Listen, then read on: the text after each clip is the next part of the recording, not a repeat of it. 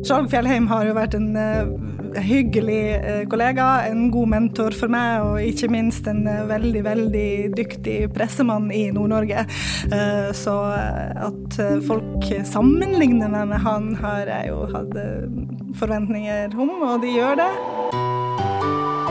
It's a disgrace.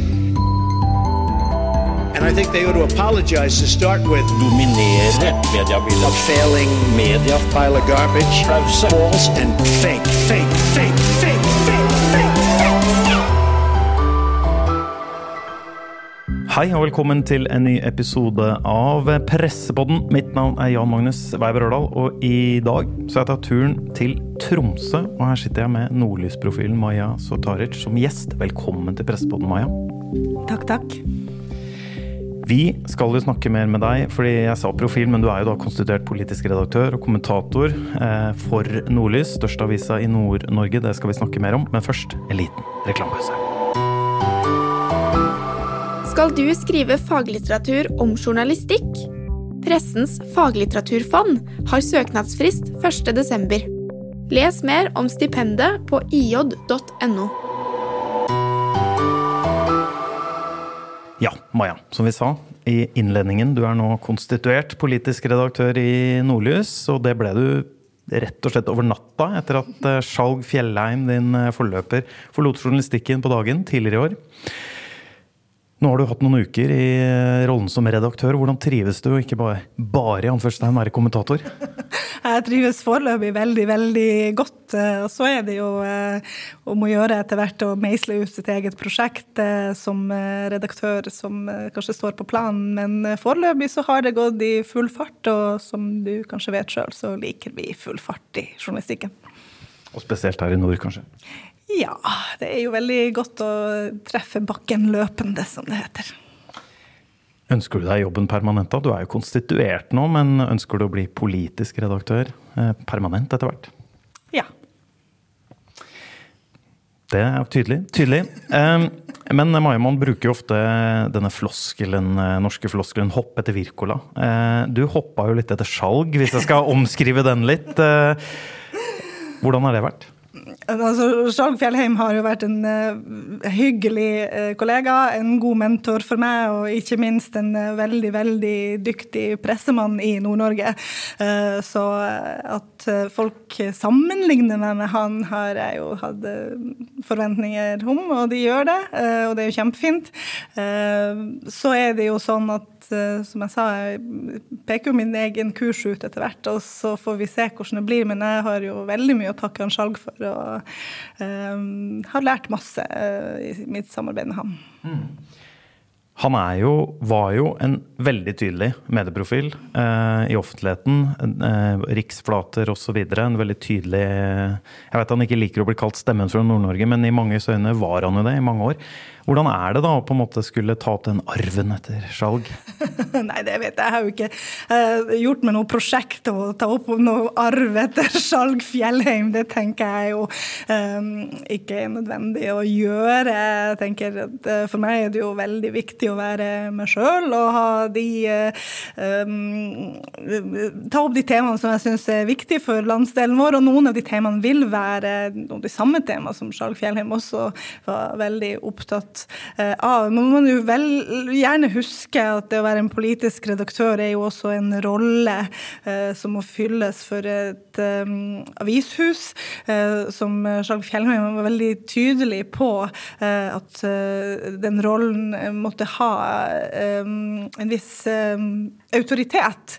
Og det er jeg helt enig med han i. Nordlys er jo Nord-Norges viktigste avis og største avis, og det skal vi fortsette å være være, og vi skal ha såpass selvtillit også på eh, leder- og kommentarplass om at det vi har å melde, har stor betydning for vår landsdel. Men du var jo litt inne på det at du forventa å bli sammenligna med han. Naturlig eh, nok eh, sånn sett. Men er det noen skal du si noe om likhetene, ulikene da, mellom Dette er siste spørsmål om Skjalg, jeg lover, men er likheter og ulikheter mellom dere? Nei, jeg tenker at det er, jeg er jo slettes ikke en nesten to meter høy mann fra Senja. Så det er så langt jeg er villig til å sammenligne med meg selv. Eh, jeg tenker det Der får jo noen andre ta en eh, vurdering og analyse av etter hvert når mediehistorien i Norge skal analyseres. Eh, jeg har i alle fall hatt stor glede av å samarbeide med han i de to årene vi var kolleger. Du annonserte jo, Maja, da du ble ansatt i Nordlys eh, vinteren 2021, eh, snakka med, med oss i Med24 om at du ikke kom til å gå stille i dørene. Eh, og du tok ikke denne jobben for å være usynlig, og det har du heller ikke vært. Altså, du har jo også vært ganske tydelig og synlig før du ble konstituert politisk redaktør. Vært i debatter og debattflater osv. Hvor, hvor, hvorfor er det så viktig å, å gjøre i den rollen du er, tenker du? Altså, Debatt er jo grunnlaget for demokratiet vårt. Eh, vi driver på med deliberativ eh, demokrati i Norge, der politiske beslutninger skal belyses ut fra meningsutveksling vi har i samfunnet. Det er jo ikke en uvesentlig jobb. Eh, og det er ikke et uvesentlig, det er ikke uvesentlig ansvar heller å ta. Å inspirere og åpne og delegere debatt. Og det tenker jeg man må Det, det er noe alvor over det tenker jeg, i dagens samfunn, hvor uh, de aller fleste er mest opptatt av å skjelle hverandre ut på TikTok, uh, at man faktisk har en debatt som er også styrt av tydelige stemmer. Så er jo Maja uh, kommentator og politisk redaktør, som sagt en rolle som skal fylles på en viss måte, og det må fylles med tydelig tilstedeværelse i offentlig ordskifte. Det betyr at man sier ja til veldig mye, som f.eks. det her er veldig hyggelig. og det betyr at man er villig til å ta kontroversielle standpunkt for å um, sette i gang debatten. Uh, så det tenker jeg er alle som har disse uh, jobbene i Norge, kommentatorjobbene, som driver på med meningsjournalistikk, har som formål å bidra og åpne opp for debatten. Og da må man jo være synlig. Da kan man jo ikke være en beskjeden liten sommerfugl i nord. Mm. Men det jo, kan jo koste litt. Altså Din forgjenger da, eh, var på Svarte natta-konferansen i Tromsø her og sa at eh, det, han, for hans del så nådde det litt sånn metningspunkt. Eh, litt for mye nettroll, litt for mye sånn Ble litt tom for energi på det. Er det noe du også er obs på, tenker av? Fordi det har jo en pris også, å tørre å ta det rollen i offentligheten. Ja, det er jo selvfølgelig sånn at man Altså man står i en uh, debatt med folk som ikke nødvendigvis er trent i å forstå at uh, den rollen man inntar, um, har visse begrensninger og forutsetninger. Det er jo ikke sånn at alle stemmer skal få til, altså alle stemmer som kommer med motsvar til et debattinnlegg fra meg, f.eks., eh, skal eh, imøtekommes av en politisk redaktør eller en kommentator. Eh, det kan jo skape litt frustrasjon, og så kan det jo skape masse motinnlegg. En politisk redaktørs jobb er jo ikke nødvendigvis å stå i en debatt konstant og konsekvent og gjennomgående. En politisk redaktørs jobb er jo å skape rom for at debatten skal eksistere. Og da tenker jeg at av og til må man la debatten løpe av seg sjøl. Man trenger jo ikke være med i alle kommentarfelt.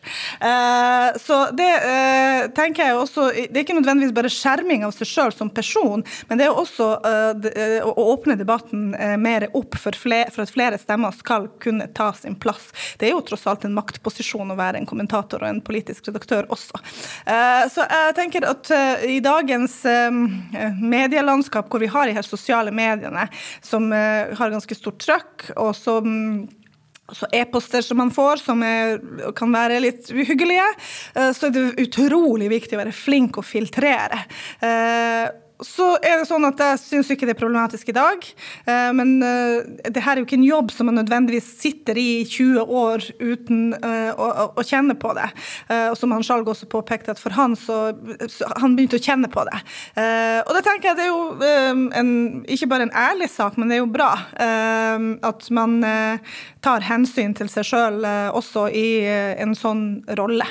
Men foreløpig så klarer jeg meg fint, tenker jeg. En del av tilbakemeldinger um, har vært uh, relativt uh, stygge, vil jeg si. Og det har jo særlig vært i senere tid, hvor Nordlys og jeg har gått imot en vennskapsbyavtale som Tromsø kommune har med Gaza sin ordfører, som er da innsatt av Hamas. Nordlys har tatt inn stillinga om at Tromsø kan ikke være vennskapsby med Hamas. Eh, og det har jo selvfølgelig vært en enormt eh, betent debatt, hvor folkevalgte valgte. bl.a. mente at Nordlys insinuerte at Nordlys var for nedslakting av barn på Gaza. Debatten er ikke vennlig, selv om folkevalgte deltar i den. Og særlig den debatten har vært enormt uvennlig. Men så er det jo også sånn at vi skal ikke etterstrebe hyggelige debatter heller. Eh, men vi skal også si fra eh, når vi mener at folk oppfører seg eh, på en uakseptabel måte, tenker jeg. Også som politisk redaktør. Jeg lovte å ikke nevne Fjellheim. Nå, nå, gjør jeg det. Siste nå. Nei, men En ting som han markerte seg veldig med, og satte nordlys og han selv på kartet med, var jo en veldig tydelig kritikk av eh, Oslo-bobla, Oslo-eliten, Oslo-kommentarene som med et ensidig perspektiv eh, fra Sør-Norge. Um, han gjentok eh, på denne seansen vi begge nå har referert til her på Svartenatta, med aldri dro ut av Oslo og så mer av Norge ikke sant, enn en bare Oslo-bobla rundt sin egen nese. Nord for Sinsen, hva man skal si. Hva tenker du sjøl om det? Er det også noe som irriterer deg? Det er jo ikke en irritasjon. Jeg tror det her er så utrolig eh, vanlig spørsmål å få. Eh, og når jeg er på Vestlandet, så får ikke jeg det her spørsmålet. Fordi... Du får det bare av søringer? Ja.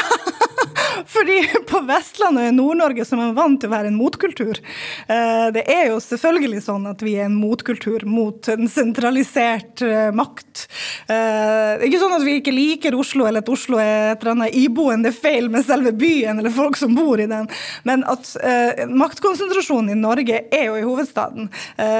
Vi er jo nødvendigvis i den posisjonen at vi må være motkultur på mange, mange måter, fordi vi ikke er hovedstaden.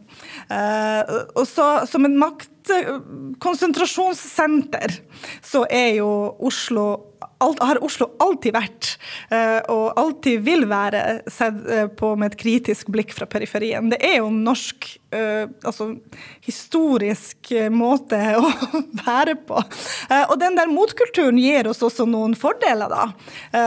Det gir oss et innblikk i et samfunn som kanskje man ikke ser når man drikker kaffe med de samme folkene på de samme møtene, i de samme presselosjene hele tida.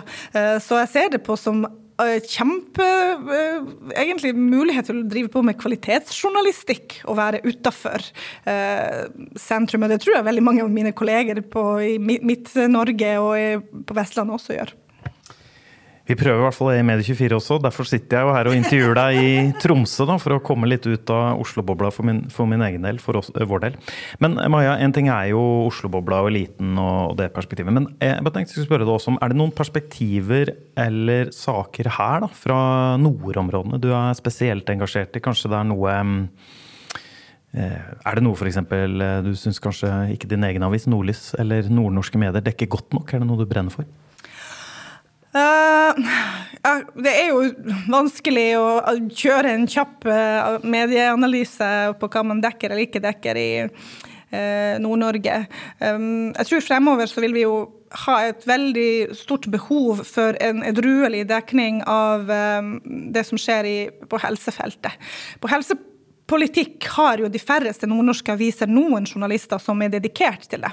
Uh, vi diskuterer jo veldig mye annen type journalistikk som er på en måte under um, finansiert, eh, kan man si, mange aviser, nordnorske aviser. Men jeg tror eh, at eh, det som kommer til å være den store samfunnsomveltende endringa i nordnorsk samfunnsliv fremover, er det Helse Nord holder på med, med sin funksjonsfordeling på sykehusene. Og at alle aviser i Nord-Norge må få seg høyere kompetanse på det.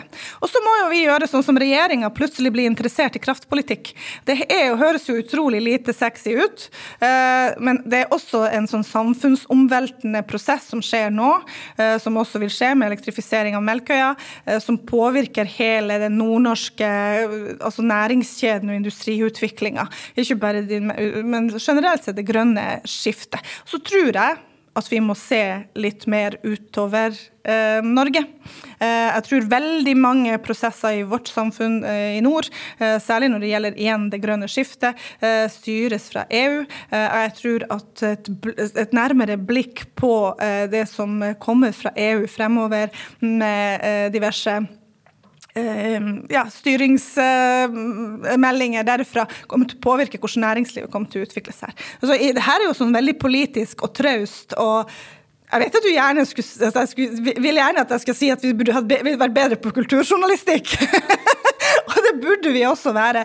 Eh, men jeg tror at eh, de store omveltingene i samfunnet eh, vil kreve en mye mer spesialisert presse, også i Nord-Norge. Og det er vi jo ikke nå. Vi er veldig mange av oss er generalister, og det vil bli en stor omveltning for nordnorske mediehus å klare faktisk å fremskaffe de spesialistene på de her ekstremt kompliserte politiske feltene. Har du en god bokidé innenfor emnet journalistikk? Ønsker du å skrive en reportasjebok, dokumentarbok eller debattbok for mediebransjen? Søk om stipend på ij.no. Helsejournalistikken er jo i hvert fall dere godt utgangspunkt for å dekke noe, da, når du kjenner eh, vedkommende som leder kommunikasjonen i Helse Nord. Som er eh, forgjengeren din, som ikke skal nevne ved navn igjen. Altså, eh, Det er jo ikke sånn at han Skjalg Fjellheim kommer til å få klippekort inn til Nordlys med noe som helst som kommunikasjonsdirektør. Det sier seg sjøl, selv, selvfølgelig. Det er jo, eh, Nå er det tette skott eh, der. Vi kommer til å drive vår journalistikk selvfølgelig helt uavhengig av hvem som er kommunikasjonsdirektør i Helse Nord. Selvfølgelig. Men det blir interessant å se. Han, eh, han kommer jo fra Altså, han forventer jo et ras med kritisk journalistikk, vil jeg tro. Det får, eh, det får vi følge opp senere. Um, men apropos kommunikasjon, det er jo også det, egentlig din det, litt leder inn til det neste spørsmålet, Maja. Fordi du har en litt uvanlig bakgrunn sammenligna med en del av dine kommentator- og redaktørkolleger i bransjen. For du kom jo ikke fra mediebransjen for to og et halvt år siden. Du kom fra jobben som kommunikasjonsrådgiver ved Universitetet i Tromsø, og du har jobba der hele yrkeskarrieren din. Eh, nevne da, Du har jo vært tilknyttet tilknyttet Nordlys som anmelder eh, tidligere også. Men du var jo sånn sett fersk i journalistikken. Jeg bare husker du uttalte til oss i Med24 i 2021 at eh, det er en klar styrke for deg, sånn som du så det. På hvilken måte har det vært det? Jeg jobber jo som, eh, med forskningsformidling eh, av ganske kompliserte, store saker. Klima og miljø de, siste ti årene, eh, de seneste ti årene. Og det har jo vært en veldig, veldig stor styrke, vil jeg si. Unnskyld. Særlig med tanke på kildetilfanget. Jeg har jo ganske stort kildenettverk der veldig mange journalister ikke har stort kildenettverk. Selv i en by som uh, Tromsø, uh, hvor man har en, um, en, et universitet og ganske, journalister som er ganske opptatt av det universitetet og har mange kilder på universitetet, så er det jo veldig få som har sånt spesialisert dybde på ett felt. da. så jeg tror kildenettverket mitt har jo hatt stor betydning for hva slags kunnskapsgrunnlag jeg har kunnet hente fra um, når jeg har ment ting. Um, I tillegg så uh, er det jo også sånn at når du jobber med forskningsformidling, så er du utrolig vant til å sette deg inn i ekstremt vanskelige artikler og ekstremt vanskelige og store problemstillinger uh, på en helt annen måte enn man kanskje er når man uh, altså skummer sakspapirene mange plasser, som vi ofte da er nødt til å gjøre i hverdagsjournalistikken. så jeg har jo på en måte utvikla kanskje en metodikk på å lese de her forskningsartiklene på en helt annen måte, som jeg tror har vært veldig nyttig for meg. Så får de som eh, leser meg, bedømme om jeg har eh, tilegna meg den kunnskapen jeg trenger, på en fornuftig måte. Um, også I tillegg så er det jo en veldig stor sektor for oss i Nord-Norge. Universitetssektoren er jo kjempeviktig for oss. Universitetssykehuset er også kjempeviktig for oss. Politisk uh, er jo politikk på høyere utdanning og forskning veldig, veldig viktig også for nordområdepolitikken. I Norge har det sånn at uh, altså Det meste av nordområdepolitikken er lagt på skuldrene av universitetene og, og forskningsinstitusjonene, og da i stor grad av Universitetet i Tromsø. Så uh, det hjelper nok på uh, at man kjenner godt til en del av de her prosessene som skjer også i den sektoren, som kanskje ikke er så altså Man har i hvert fall ikke spesialiserte journalister i Nord-Norge som ser på høyere utdanning og forskningssektoren på den måten. Nå har du jo vært en del av journalistikken, eller i andedammen som vi liker å kalle det, de siste drøye to åra snart. Ja, klassiske spørsmål. Hvordan, du hvordan vil du oppsummere det, eller hvordan har det vært? Det har vært en ekstremt givende og viktig jobb å ha. Jeg setter pris på all motstanden jeg har fått, og jeg håper å få enda mer motstand. Eh, jeg syns at det er veldig, veldig viktig at vi i Nord-Norge, særlig gjennom Nord-Norsk debatt, har en plattform og en arena der folk faktisk kan drive på med um, het debatt, og at vi har lav innsteg på hvem som kan sende inn um, debattinnlegg til oss. Uh, at vi tåler å stå i stormen, og det skal vi jo fortsette med forhåpentligvis i lang tid fremover. men at jeg tror jo mer av debatten vi tar fra de sosiale medieflater og inn på redaktørstyrte medier, desto viktigere jobb gjør vi for demokratiet vårt. Og så er jeg jo også privilegert at jeg får lov til å gjøre det. Er det noen som har overraska deg eh, etter møtet med mediebransjen? Nei, egentlig ikke. Jeg har jo jobba journalistisk også før som eh, med forskningsformidling og har hatt veldig god kontakt med masse journalister over hele verden. Og uh, har hatt en uh, veldig god tone med mange av dem. Uh, så det er veldig lite som har overraska meg ut ifra de rammebetingelsene som mediebransjen eksisterer i. Det var jeg også veldig godt kjent med fra før av, også som frilanser. så Eh, jeg har jo ikke blitt eh, sjokkert sånn sett, men jeg har jo lært veldig veldig mye av mine gode kolleger om hvordan man skal være en effektiv og god journalist. Eh, for det er jo Man har jo mye bedre tid i akademia enn man har i et mediehus. Er det nå skal vi gå inn for landing her. Siste spørsmålet, Maja. Det er kanskje litt stort, da, men vi får se. Du skal få lov å, om ikke trille en terning, skal du få si noe om hva syns du om meningsjournalistikken i Norge anno høsten 2023? Å, det var jo et stort, eh, stort eh, spørsmål. Ehm, jeg syns at eh, meningsjournalistikken er jo bra. Altså, vi har jo veldig veldig mange aviser som har, holder seg med kommentatorer. Uh, så det syns jeg jo for så vidt Den biten er jo ikke jeg så veldig stressa over. Det jeg er veldig bekymra for, er jo at på journalistutdanningen så lærer man jo ingen verdens ting om det her. Uh, vi får jo studenter inn uh, på, ofte til Nordlys på praksis, og de har jo knapt hørt om hva meningsjournalistikk og kommentarjournalistikk innebærer. de blir jo sjokkert nesten når man forteller dem at man driver på med samme type kildearbeid som man gjør for andre saker at man snakker med folk på den ene siden og på den andre siden, før man da danner seg en mening. Og så er det veldig mange som kommer inn i, altså, inn i de her samtalene. og sier jeg har jo også vært med elever og i møter og sånn, som ikke egentlig vet hva jobben innebærer. Det er helt alminnelig journalistikk, bare at det er et en eller annen person som er der for å stikke hodet frem, for å uh, ta en, et standpunkt. Uh, men journalistiske arbeidet ligger i bunn. Og jeg tenker at uh, det må vi jo jobbe litt med. Vi må få opp statusen til det her, også i utdanningene uh, for journalistikk. Og det, det, den ballen har jeg lyst til å spille videre til da, uh, de uh, universitetene som utdanner folk til oss. Burde det egentlig vært en fremtidig linje et eller annet sted? Da. En, for du har jo fotojournalistlinje. Kanskje man burde hatt en debattjournalist-kommentatorlinje? Sånn som jeg forstår det, så er det knapt nevnt i utdanninga. Så jeg tenker at en eller annen time av og til. Det er jo en 100% forbedring, tenker jeg. Bare det hadde vært bedre. Um, det var det vi rakk eh, i denne episoden. Får ønske deg lykke til videre som konstituert eh, redaktør og kommentator. Så får vi se da om du får det fast. Kanskje du dukker opp seinere i eh, Pressepodden igjen. Vi er tilbake neste uke med en ny gjest og en ny episode. Vi høres igjen da.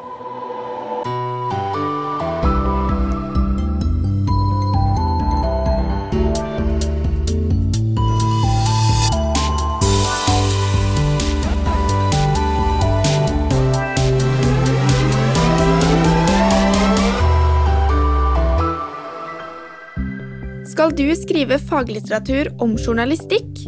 Pressens faglitteraturfond har søknadsfrist 1.12. Les mer om stipendet på ij.no.